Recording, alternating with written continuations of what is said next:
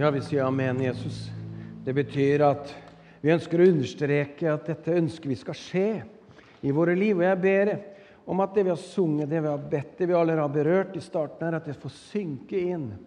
Synke inn, Jesus, så vi får en Så vi kan eh, kanskje gå herifra hvis det er mye for langt, Herre, men jeg ber om at vi skal oppleve å forstå mer av hvem du er, hva du har gjort, hva du har å tilføre våre liv, Jesus. Dette er livsprosjektet å leve med deg, Jesus. Du skal hjelpe oss til å komme gjennom på alle områder. Virkelig oppleve, Jesus, at du, du er den du sier deg å være, som det står i Bibelen. Mm. Du vet, vi er så forskjellige. Så jeg tenker at allerede så har du kanskje blitt berørt på et punkt i lovsangen, i bønn, eller det som skjedde foran deg med barn. altså Du er egentlig klar for å gå hjem. Eller du tenker å være som kommer videre her. Sånn er vi skrudd sammen, og jeg tenker dette vet Gud så inderlig godt om. Eh, poenget er bare at du må, du må bare finne, slå deg til ro med tanken av at han har noe for deg i dag òg. Det er den eh, åpenheten, det å, det å vende seg mot Gud, som man gjør i i eh, en gudstjeneste. Og Det var rart du snakket om forventningen, Marius. fordi at det, det var i går jeg satt og titta litt på det jeg hadde planer om å si. Og så, og så litt på bakgrunn av eh, hvor jeg henta stoffet fra, da, så, så, var det sånn at det bygde seg opp en sånn forventning til den gudstjenesten her. Det var liksom som om du skulle på et eller annet som du har hørt noe rykte om. Sånn kom, jeg sitter jo hjemme da, for meg sjøl og så Å, jeg gleder meg til i morgen. Vi skal på gudstjeneste. Akkurat som noen skulle fortalt meg om at der bare må du innfinne deg. Der må du være. Der kommer det til å skje noe. Så er det litt spesielt når du vet hvem som skal tale, og hva han skal si. liksom, er du helt gira på deg sjøl? Nei, det var ikke det. Men det var mer den Igjen, da, det du kommer til å høre meg si. Jeg har sånn tiltro til Gud i en gudstjeneste. Det er så unikt at du får sitte ned her, at vi har fokus på bønn, at vi skal lovsynge, at vi skal dele Guds ord, og at vi skal være sammen, ikke minst i et fellesskap. Jeg tenker, Dra maks ut av en gudstjeneste! Bli igjen i kafeen. Ok? Vi, kan vi gjøre det i dag? Vi har jo ikke vært sammen på lenge heller, så det her burde jo trigge til, til å, å, virkelig tenke dette skal jeg makse ut av. Ja. Da går ingen hjem med en gang, så sant ikke du har satt på potetene eller et eller annet sånt som du må følge opp. Så det, det får være. Jeg skal kanskje gjøre noe jeg aldri har gjort før. Så Jeg vet ikke åssen dette her ender, men, men, eh, jeg skal dele med dere en eh, podkast som jeg hørte denne uka her. Jeg er ikke sånn at Jeg hører av på en del, altså jeg er ikke helt sånn i min egen verden. Men det er ikke alltid liksom, jeg tar det inn i inn i, Jeg er en sånn klassisk tilnærming til forkynnelse. Så dere kjenner jo meg og vet, vet, stort sett hva som kommer. Det er Et eller annet som har engasjert meg, og så får Helligånd gjøre resten. Men denne gangen her så Jeg ble så berørt av å høre en podkast. og, og, og, jeg måtte analysere det etterpå. Er det fordi eh, stemmen hans er liksom så ydmyk? Og jeg syns jeg opplever et vesen ved den personen som gjør at eh, jeg blir som berørt. Er det, er det bare i det sjelelige? Nei, det var ikke det. Det var i min ånd. Det var som om jeg opplevde at han berørte noe av DNA i, i 316. Og navnet på den fyren det var altså et intervju med en svensk pensjonert prest som heter Carl Erik Salberg. Er det noen som kjenner han? Det ville vært sterkt, altså. det hadde vært rått. Men, men eh, den podkasten handlet om mirakelet i Santa Clara-kirka i midtre del av Stockholm. Så kan du jo tenke deg sjøl. Jeg har blitt inspirert av en eh, pensjonert statskirkeprest i den svenske kirken, folkens. Ok? Og du må lytte, altså. Det var så rått. Det var så rått. Og det, følgende, Når vi snakker om et mirakel i denne Klara-kirken, var at han på 90-tallet kom til den kirken. biskopen i Stockholm hadde sagt at den der kan du bare legge ned. Det kan du skal lage sånn et eh, bad. Var et eller annet sånt. Selv å gjøre noe om til et, et bad. Hva nå det var. Og, og Han sa det var vel kanskje en fem til sju personer som relaterte til kirken. På en høymesse kunne være mellom 20-30 mennesker, sa han, eh, på en god dag. Eh, kirken tok 450, så da tenker du deg sjøl. Eh, prosenten oppfylte benkeradet var forholdsvis lav. og, og, I dag så fylles den kirken hver eneste søndag. Det er en aktivitet gjennom hele uka. Det bodde 300 mennesker i omkretsen av den kirken når han kom dit. For det var selve innerstaden. ikke sant? Så det har ikke blitt noe mer tilflytning. Men folk kommer dit. Hvorfor gjør de det? Og han hadde han hadde erfaring fra kristent liv i Tanzania, denne presten. Og Der hadde han skrevet en avhandling som handlet om eh, hva han hadde sett av kirker som vokser. Og så hadde han etablert en, en, en linje på ni punkter, ni kjennetegn, med en kirke som veks. Skal ni høre? Ja. Jeg er klar. Jeg, jeg har elleve ark, tre minutter på hvert ark. Jeg har 33 minutter. Jeg har et problem. ok, Men jeg starter med en gang. Den kirken vokser, som er åpen for alle, men ikke for alt nødvendigvis. Men han er åpen for alle. Alle skal oppleve seg velkommen. Uansett livsstil, bakgrunn, hva de baler med livet der og da, uttrykket de har. Kirken skal være åpen for alle. Mm, ja, han skal være det. Og jeg har plukka noen eksempler fra eget hode og eget hjerte også. Bare, jeg må liksom jeg må, hva skal jeg si, jeg må legalisere det punktet der, føler jeg. Med å ta noe fra Jesu eget liv. Jesus skal videre, men han er på gjennomgang i Jeriko. Altså, Jesus er vel noe av det beste eksempelet på ikke bare å ønske folk velkommen, fordi, blir, fordi, han blir invitert, men han inviterer til og med seg selv inn på mennesker. Og han sier at, Denne presten sier at de tre første punktene handler om å være i verden, men ikke av verden. Og, og Snakk om Alle kjente jo til Sakkeus. Denne overtolleren, egentlig datidens eh, heftigste mafiaboss i Jeriko. Han hadde jo undersåtter. Alle visste at han sto i ledtog med, med okkupasjonsmakten Romerriket, og at han hadde gjort seg styrterik på å ta for mye. Og Jesus stopper opp. Ja, Men Jesus visste jo alt det her. Altså Var, var, ikke, var Jesus uvitende? Ble han overraska om han fyren oppi treet som, som han kaller ned og ber å spise eh, lunsj eller middag med?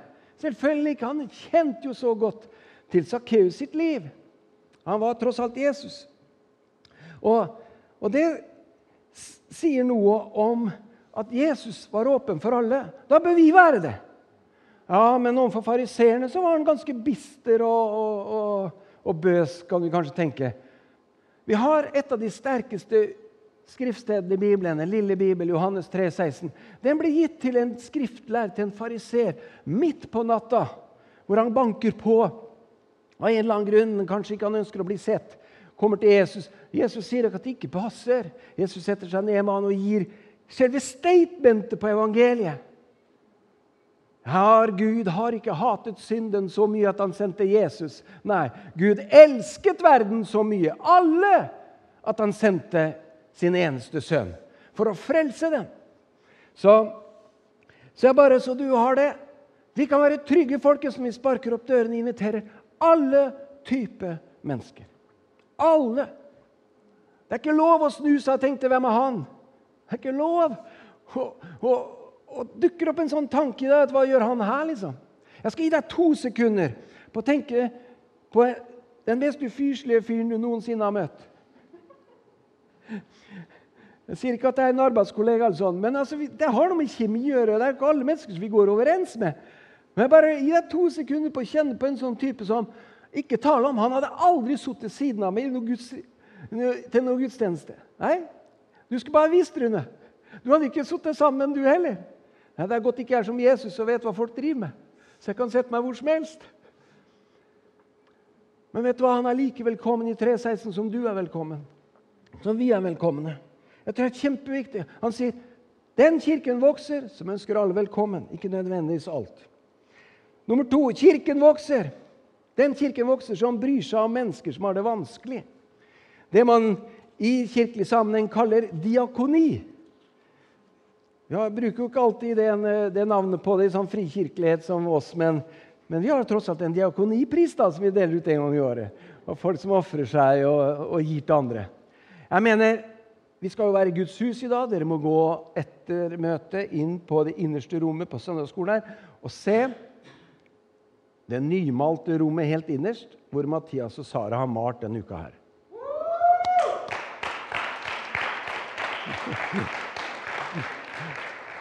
Den likte du ikke, Sara. Det så jeg på deg.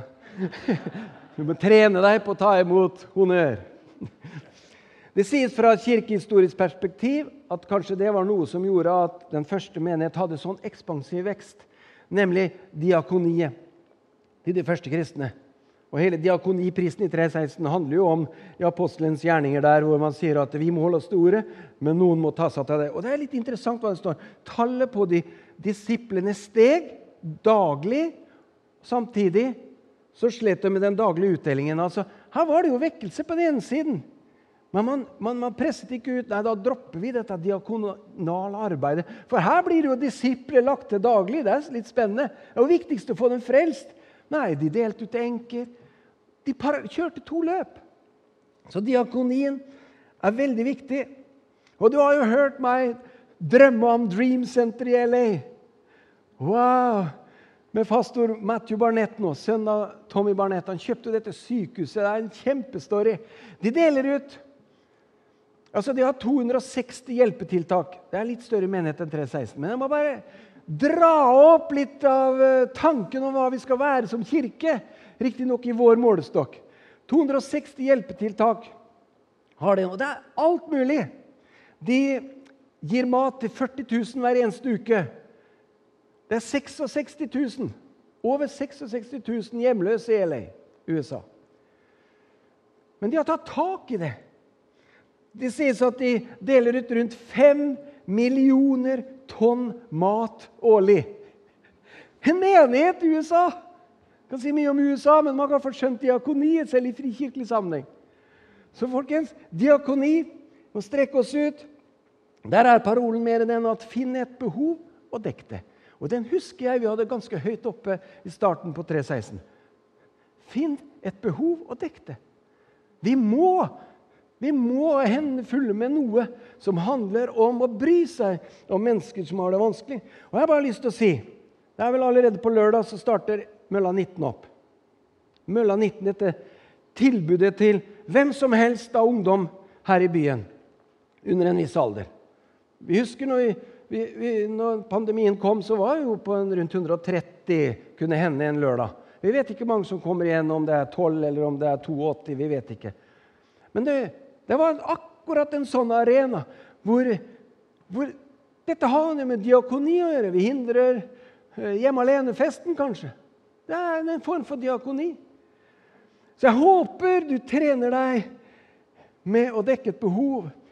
Tren deg med å forsake noe om å dukke opp. Det er også Førstkommende lørdag har vi ansvar på Bryggkapellet. Starter klokka 11 og slutter sånn ved totida.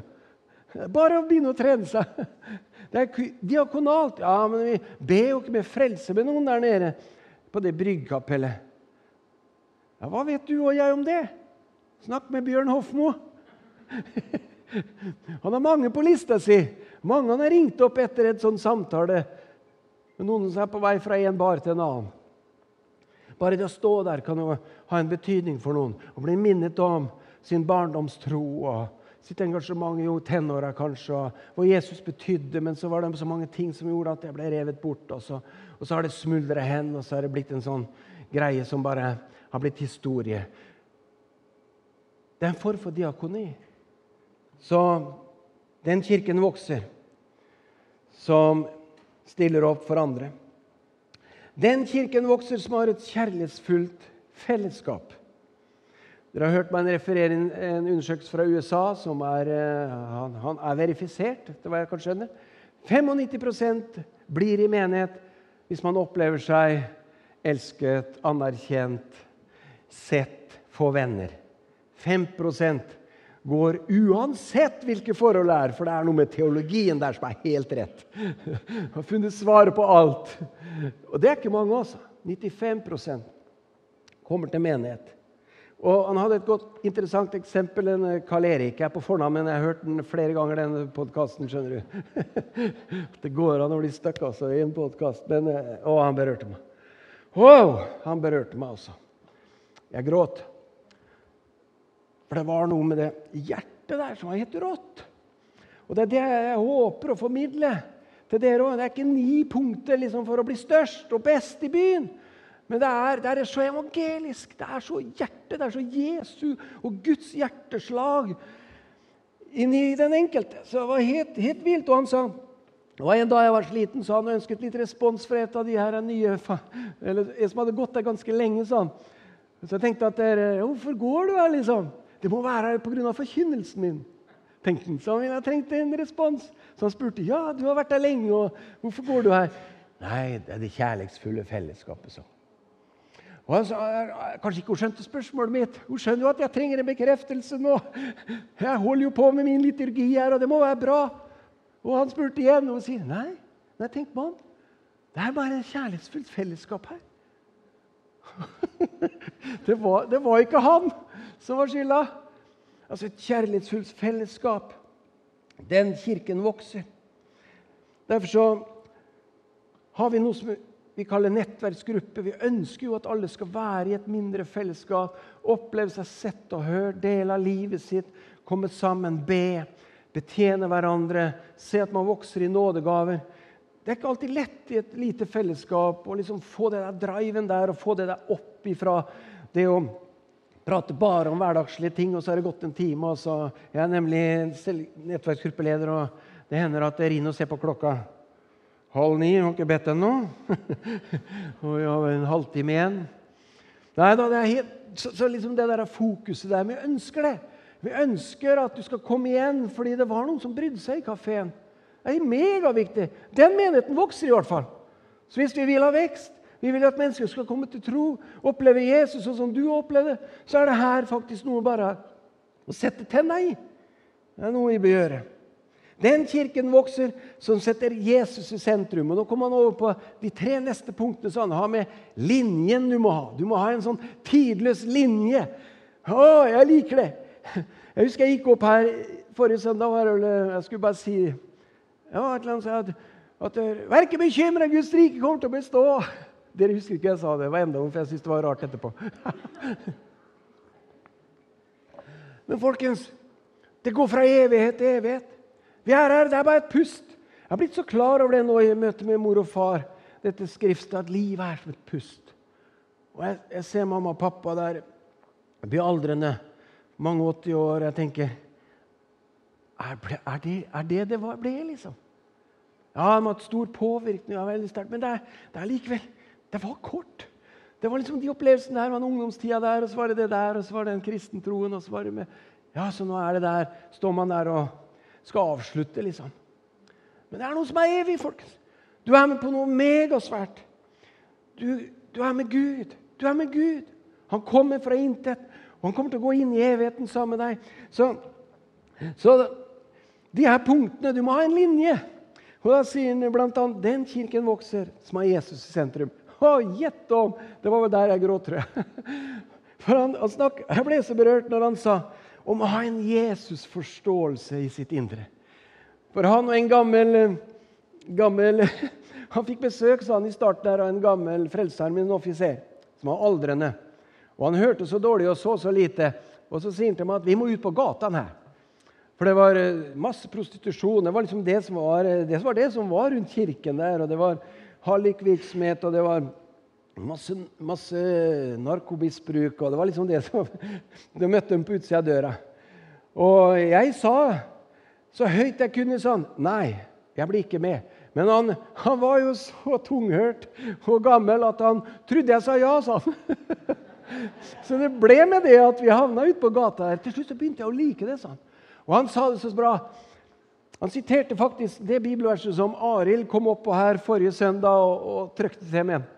For når jeg sto der ute, sa han, så ba jeg Gud alltid om å ha ett sånn hjertemøte med i hvert fall ett menneske. Med en av de der jentene, prostituerte jentene eller den narkomane der. Og da sa han, jeg siterte det verset for meg jeg er, eh, Han som er i meg, er sterkere enn han som er i verden.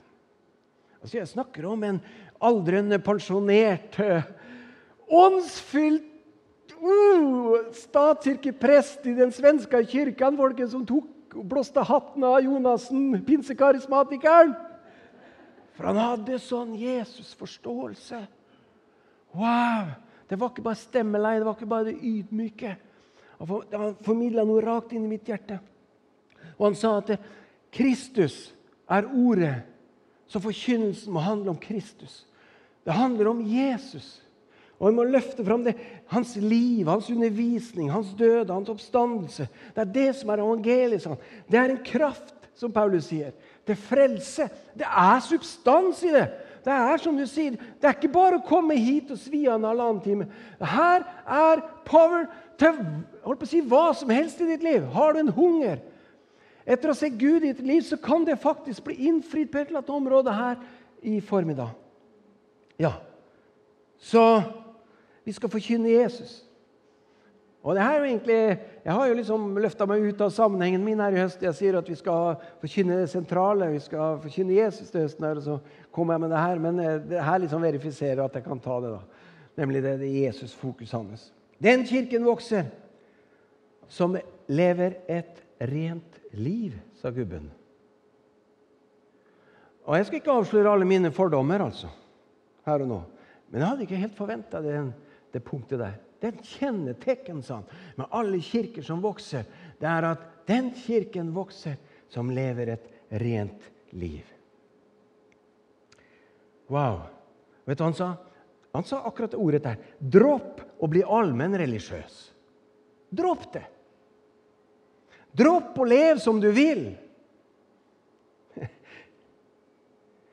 En tydelig livsstil og jeg siterer, som handler om etikk moral og forvalterskap. Det tar meg så veldig. Er det min pietistiske oppvekst i ungdommen? Nei. For han sa pietisme handler ikke om pekefinger. Sånn. På ingen måte. Det handler ikke om å være bedre enn noen. På ingen måte. Men det handler om å forvalte livet sitt ut fra et omsorgsperspektiv. Jeg likte det. Han sa selvfølgelig må du snakke til noen som, som du ikke har det bra med seg sjøl, og si at det der det drenerer ditt liv, sa han. Det der forstørrer ditt liv. Det er ikke bra for deg. I kjærlighetsfullt fellesskap så kan vi faktisk løfte frem dette med å leve et rent liv. Du får kanskje ditt bilde inn i hodet av en eller annen som har sagt noe til deg i ungdommen. Og, og, og, men, men, han sa faktisk etikk, moral, livsstil, alt det der har noe med men ikke med pekefinger, ikke med å ta på hverandre på fersken på noen måte. For vi sitter alle støkk i det der. Vi trenger å oppleve Jesus. Vi trenger å oppleve den guddommelige kraften inn i våre liv. Og Jeg har jo laget min ene, egen greie på noe av det her, og det er jo dette med at evangeliet er en kraft til å leve annerledes. Og jeg tror på det. Jeg tror det er såpass substans i evangeliet at det faktisk endrer kurs. Noe du gjorde før, gjør du ikke. Paulus sier en som stjeler, stjeler ikke lenger. sier og tar det liksom sånn helt selvfølgelig. Det kan være en prosess, selvfølgelig, men, men at det er noe i det. Og jeg syns det var sterkt. Den kirken vokser som lider for sin overbevisning. Stå for noe, sa. Og han sier, 'Bli heller overraska om du aldri møter motstand'. For om du møter motstand på noen områder som, som kirke og som kristent fellesskap, så, så bare ta det som et greit tegn. Men for all del, ikke oppsøk det. sånn. Det er ingen problem å komme i avisa. Det er ingen problem å, å få media til å lage store overskrifter over, over, en kirke. Nei, Det er ikke noe problem. Det er liksom bare å løfte alle parolene og, være nei til ting. Vet du hva? Vi har ja til så mye. La vårt rungende ja lyde utover den byen her. Vi har ja til mennesket. Vi har ja til kjærligheten, den guddommelige. Vi har ja til, til livet, selvfølgelig. Vi har ja til så mye. Det er jo Gud som har det. Min mor har sagt, og det har brent seg fast hos meg Det er litt sterkt ordet å si at djevelen Runa, har aldri skapt noe. Han har bare røvet fra Gud. Og i mange tilfeller har han pervertert det. Det brant seg fast som en ung gutt. Jeg hørte mamma sa han har aldri skapt noe, Rune. Han har bare røvet fra Gud. Han tok dansen fra oss, sa hun. Hun elsket å danse. Satte dansen på vent i 50 år. Den kom etter hvert i kristen sammenheng for henne også. Men hun danset innenfor Gud i ånden. Han tok dansen fra oss, tok gleden fra oss. Ikke sant? Det er Gud som har skapt det vakkert og mangfoldig. og La oss, la oss bare ta det og gjøre det til vårt. Jeg kan jo huske, og det er litt sånn, nå, nå, nå, ble jeg litt sånn mimrete da, men jeg husker jo når vi hadde denne ungdomsklubben 316 i Østfold med noen hundre ungdommer hver eneste helg. Hvordan media hadde søkelyset på oss, og hvordan vi stadig opplevde å bli gjengitt. Og de jugde på oss, og de tilla oss en masse greier. og Maskert forkynnelse. husker jeg En stor stor lederartikkel i en av avisene i byen. Maskert forkynnelse. De stengte døra og, og, og, og tvingte ungdom til å sitte inne stille for å høre om Jesus. Vi gjorde ikke det. Det var fritt fram. De som ikke ville være der, kunne få lov å gå. Men vi slapp dem ikke inn etterpå igjen. Men det var så sent på kvelden at de siste 20 eh, minuttene var Ja, det fikk jo konsekvenser. Men vi sa ofte til noen om ikke bryr deg om det evangeliet vi har, om det vitnesbyrdet vi har, om at vi tror det er en Gud som elsker deg, så vær så snill å komme allikevel. For det er jo festlig å være her. Du treffer jo vennene dine. Og jeg tror det var svært, svært få som ikke kom. Det var ingen som uteble fordi det ble så vanskelig når vi delte Jesus enkelt med dem. Nei da. Det var, det var, han, han, sier Karl Erik Salberg så fint at vi ble kasta så mye mødd på sånn. Det var som om de kasta ei leire på. Noen andre kirker var misunnelige, og noen mente at vi ikke gjorde riktig, og at det var totalt skivebom, det vi drev med. Men da bare blunda vi i øynene. Og så når vi hadde åpna dem igjen, så satt en ny, nykter narkomisbruker i benkeraden. sånn.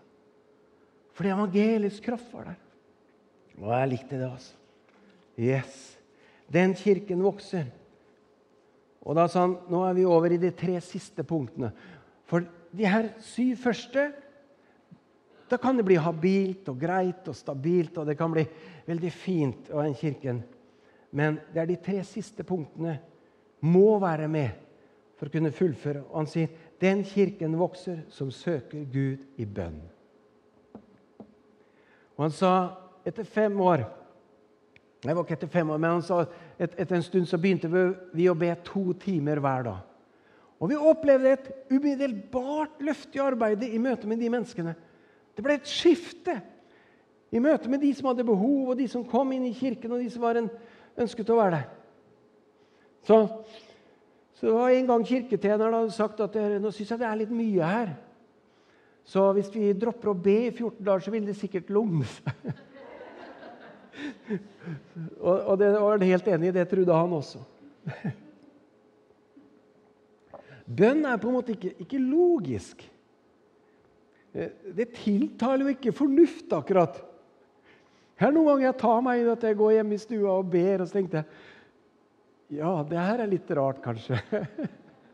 Og det snakker som om det skulle være en eller annen i rommet der. Og det er så, det er så i ryggraden. ikke sant? Du har fått det fra barnsbena. Og jeg tror Gud hører. Jeg tror hva det står om at min ånd vitner med hans ånd at jeg er Guds barn. Det er en kommunikasjon her.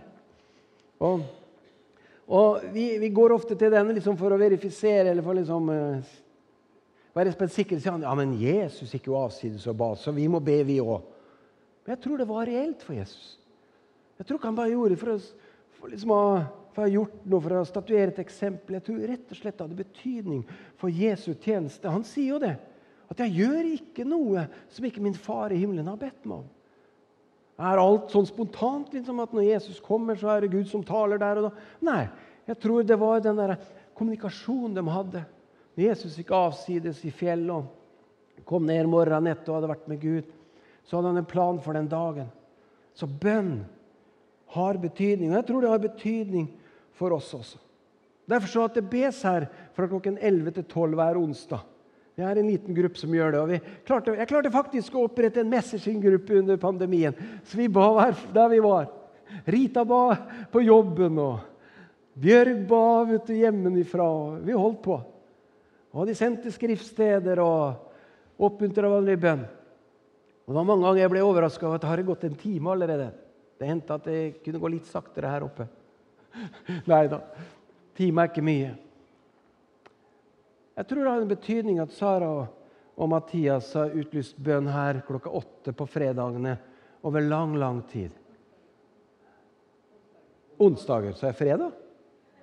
Hvor fikk jeg det fra? Det står da onsdag her. Jeg tror det har betydning at Vidar Solbrekke ikke slipper taket på bønn for menn. Et celebert selskap en gang i måneden her på mølla. Det er bare å ta initiativ til bønn, dere. Og dere ber. Jeg er overbevist om det. Men din bønn jeg har lyst til, han, han sier det. Den kirken vokser som ber. Så fortsett å be. Mist ikke motet. Tenk ikke at det er rart. Nei. Gud hører deg når du ber. Det er bare to punkter igjen. Den kirken vokser som legger til rette for at alle kan bidra. At alle kan tjene og finne sin plass. Og Det er klart det er litt mer naturlig kanskje i en statskirkelig sammenheng hvor du har på en måte ordinasjon, og du har et, et presteskap, og du har eh, diakoner og, og, og, og kirketjenere osv. Så, videre. så han sa du må få i gang lekfolket på en måte. Og Det er jo selvfølgelig bibelsk. Jeg må si, jeg tenker på modellen til Jesus. da, var fiskere. Det var en Peter, en rebell. Det var to brødre som, som stadig gikk i tottene på hverandre. Det var, jo, det var liksom grasrota som Jesus plukka opp og ga dem dette veldige oppdraget om å bygge Guds rike og spre det. Og Her sitter vi et par tusen år etter, og, og, og vi anammer og vi kjenner den samme nerven til Gud. Og det er jo litt sånn også de der fariseerne og de skriftlærde når Peter og Johannes kommer der, og de tar dem inn til forhør fordi de har helbreda han som har sittet utafor den fagre tempeldøra til tempelet. Og jeg, Det står at han, han, var over 40 år, så han har sittet der fra barnsben. Så det er tydelig at alle hadde sett ham. Jeg har alltid forundra meg hvorfor ikke Jesus helbreder ham. Men noe av det han holdt igjen til Peter Johannes. Vi får tenke sånn. Og da sier de at ja, men de er jo ulærde og vanlige folk, står det i Apostelens gjerninger 4.13. Vet du hva? Det ville være synd om alt handlet om plattformtjeneste, om, om å, å, ha en, en lønna stilling eller noen utpekte. La oss fremelske hva finnes. Hva finnes i, i, forsamlingen? Hva er du god på? Hva er du sterk på? Hva er din erfaring med Gud? Hva kan du dele? Hva kan du være med om å etablere? Jeg sier ikke at vi kan dra i gang alle tiltak, alle tanker og alle gode innspill. Men man kan sette noe på vent, så kan man se det i sammenheng med visjonen. Og så kan man bygge det Guds rike, og så kan man se at kirken vokser. Det er utrolig viktig. og Det er litt interessant nå i forbindelse med Sigmund og Anne Katrine, som jobber med dette med å se på strukturene i, i menigheten hvor de har tatt opp denne boken til eh, Thomas Sjødin. Den som finner sin plass, tar ingen annens. Dette blomstringssamtalene som, som du kan ha med f.eks. de to. Hvis du har noe på hjertet, er det rom for det her? Og så videre. Så, så det er bare en oppmuntring eh, til at du, eh, at du er ønska velkommen inn til å ta initiativ for å se menigheten vokse. Siste punktet. Den kirken vokser som er avhengig av Den hellige ånd og Den hellige ånds gaver, sier denne pensjonerte, aldrende presten. Og Han sa når han tok det punktet, at jeg alltid lurer på om det skal stå først. Eller om Så, så, så jeg, vil, jeg, vil oftest plassere det først, før alle de andre. For han sa, Den hellige ånd er så viktig sånn. F.eks. når du forkynner Jesus, så kommer du an. Så kommer anden. Han trives når du forkynner Jesus. Hvorfor har det tatt meg sånn? Vet du hva? Vi har slått oss litt på brystet. Jeg er jo pinsekarismatiker, fostra i den tradisjonen. Vi har slått oss litt på brystet kanskje og sier at vi har gjenoppdaga Den hellige ånd. liksom. Ja, Den hellige ånd kom veldig sterkt på førsten av århundre, forrige århundre i mange sammenheng. Men selvfølgelig, det er bare å ydmyke seg, det er bare å falle på kne og anerkjenne. Selvfølgelig har Den hellige ånd vært virksom fra Jesu tid, fra tidenes morgen. Han var virksom til og med i Det gamle testamentet. Den hellige ånd er også en del av Gud. Han sa faktisk det. Den hellige ånd, Husk, Den hellige ånd er Gud. Så han har vært virksom. Så det er bare å, det er bare å forstå hva han har å tilføre våre liv.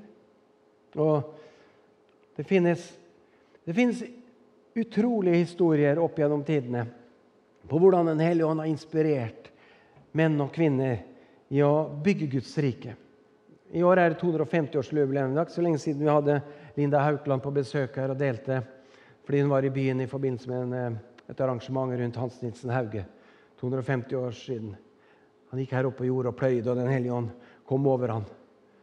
Og hvilken enorm påvirkning det hadde for lille Norge den gangen. Så la oss, la oss åpne oss for Den hellige ånd. Han sa det så bra. Les apostelens gjerne og legg merke til hvor åpne de var for enden, for Den hellige ånd. Og sang vi også her på ene lovsangen altså, Vi er her fordi du er her. Nå er det alltid fristende jeg tror det er alltid fristende å overfokusere på enkelte ting i det kristne livet. Og det er som jeg sa, litt avhengig av hvilken sammenheng man kommer fra, eh, hva som har vært oppveksten, og ikke minst kanskje hvilken personlighetstype man er. Jeg gleder meg jo til kveld. Vi skal få besøk av Arild Valberg. Jeg har tatt meg den friheten og invitert ham en gang til. Han skal få dele fra ordet i kveld. Du må komme klokka sju. Da får du Arild. Og Jo mer du sier amen, jo mer du sier halleluja, jo mer du krysser den, jo mer får du. Amen. Og det er ikke noe sånn, eh, det er ikke et besøk, det er ikke en sånn karikatur. Men evangeliet har revolusjonert hans liv. Det er akkurat de punktene her. Det er akkurat det jeg opplevde i denne pensjonerte statskirkepresten i den svenske kirken. Det er akkurat det samme som berører deg, som berører Arild, som berører meg, som berører mennesket. All over the world. Her og nå. Vet du hva? Gud vil oss noe. Så kan ha en tendens til å overfokusere. Og Det er nesten et trossamfunn på hvert eneste tema. Det er greit, Hanna, jeg ser du er utålmodig. Du skal snart komme opp og lovsynge. Jeg vet jeg har brukt litt god tid. Ok, Men jeg har nesten bygd opp et tema, eller et trossamfunn rundt et eneste tema. Troen alene og nåden. Luther. Det er litt artig. Jeg sitter jo i Fredstad kristne råd, og så dukker det opp en menighet i byen. Så, ja, hvem er det? Her må vi ha så mange menigheter i byen.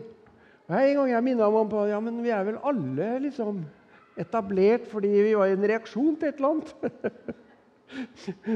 Du har jo baptisten når det gjelder dåpen, du har metodisten når det gjelder helliggjørelsen, du har pinsevennen når det gjelder Hellig.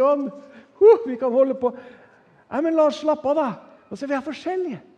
Og det får forskjellige uttrykk ut fra personlighet og type og hva vi har vokst opp i. Og, og, og, sånn kan det også bli en menighet. Det er Derfor jeg har delt de her ni punktene. Tatt meg den retten å bruke så lang tid. Fordi at det går an å bare bli en diakonal menighet. Det går an å bare bli en sånn halleluja helligåndsmenighet. Og det går an til med, og da har du nesten føler du nesten både Gud og vår Herre og hele himmelen i ryggen når du sier at vi er en ordets menighet. Ja, det holder med å forkynne ord om Jesus. Ja, men Er det helt riktig? Kanskje det er summen av noe mer som gjør at mennesker finner fram til Jesus, finner et fellesskap, får vært sammen om å bygge livet sitt, og vi får hjulpet hverandre. Jeg bare ber om at Gud ikke gjør oss i 316 så smale og snevre at vi ikke kan romme mer av Guds rike. Ikke, ja, jeg har mine favoritter, jeg òg. Du har sikkert dine. Men la oss åpne døra og romme hverandre. Og ikke minst romme det Gud har for oss. Er det en ny visjon jeg har prøvd å lansere? På ingen måte. en forandret menighet. Jeg vet hva som ligger i det ordet her. Så hvis du lurer på hva visjonen i 316, så kan du i hvert fall spørre meg. Det var Bøstrud, Men jeg vet hva det ligger i ordet. En forandret menighet handler nettopp om de ni punktene her, og kanskje noen flere også. Det handler om at jeg, for vi er enkeltindivider, vender vårt blikk til Jesus. Opplever at Guds kraft begynner å forandre meg. Opplever at ordet gjør noe med meg. Opplever at det, har, det, ender opp med en annen livsstil. Det ender opp med en annen måte å forvalte penger, tid på. Selvfølgelig. Og en menighet som er i den type forandring stadig Vi kommer til å bruke hele livet. Gud har tatt på seg et prosjekt med hver enkelt av oss. Den menigheten vil selvfølgelig prege omgivelsene en forandret by. Det er jo helt umulig å være, være en menighet som lever i det her uten at det skal få konsekvenser for omgivelsene våre. Dem du møter på jobben, dem du treffer på butikken. For, for du er jo påskrudd. For du har møtt Jesus, og du er i forandring. Den hellige ånd jobber med deg. Selvfølgelig. Og når det gjelder barn og unge, så må vi ikke helliggjøre det. Jeg skal si Det er to punkter som gjør at vi hadde med barn og unge i den visjonen. Det er to punkter. Den ene er et skriftsted, og det andre er en statistikk. ene skriftsted er følgende Lær den unge den vei han skal gå, så viker han ikke fra det når han blir gammel. Ordspråkene 26, 22, 26. Nei, 22, 6. Så kan hende husker jeg dette tredje gang. Lær den unge. Det er det vi gjør med barnekirken, og jeg er så glad for det. Vi lærer dem. Sier at dette her, dette her er evangeliet. Dette er sunt, det er bra for deg. Det vil få påvirkning for valgene dine, for den framtiden du vil bygge. Og det andre er at det viser seg at innen du er 13 år, så har du bygd en relasjon til Jesus. 80% har bygd en relasjon til Jesus før de er 13 år. Og i hvert fall før de er 18. Ja, men Da har vi et fokus på det. da. Det er ikke noe helligere enn det. Nei. Men det skal vi tvinge oss. Vi har sagt vi skal tvinge oss den retningen. Vi skal ha fokus på barna og de unge. Men la oss for all del ende opp med å be denne bønnen om at Guds rike må komme, og at Guds vilje må skje, som det står i Fader vår. Og litt som Per André var innom forrige søndag la det bli mer himmel på jord. Nå kan dere komme opp, så vet jeg det skal være et par lovsanger. Jeg har bare lyst til å utfordre deg litt mens vi synger her. La Den hellige ånd tale til deg om din plass. Om din plass. Selvfølgelig i, i 316, men kanskje mer sånn Guds rike. Altså, hvor er du hen i løypa i forhold til hva Gud har for deg? Hva Den hellige ånd har kalt deg til? Hva, hva, hva, Gud sa til deg på en leir når du var elleve år? Hva vet jeg? Altså, Bruk noen sekunder på å hente opp hva, hva, hva som har formet deg.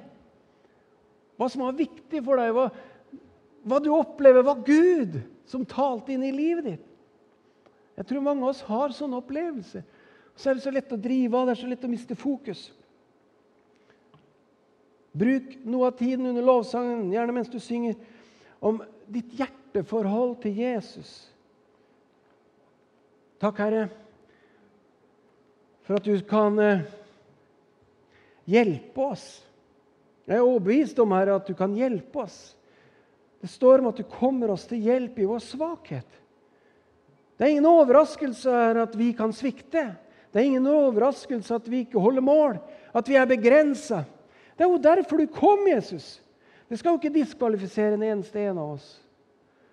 La oss heller rette ryggen, se oppad.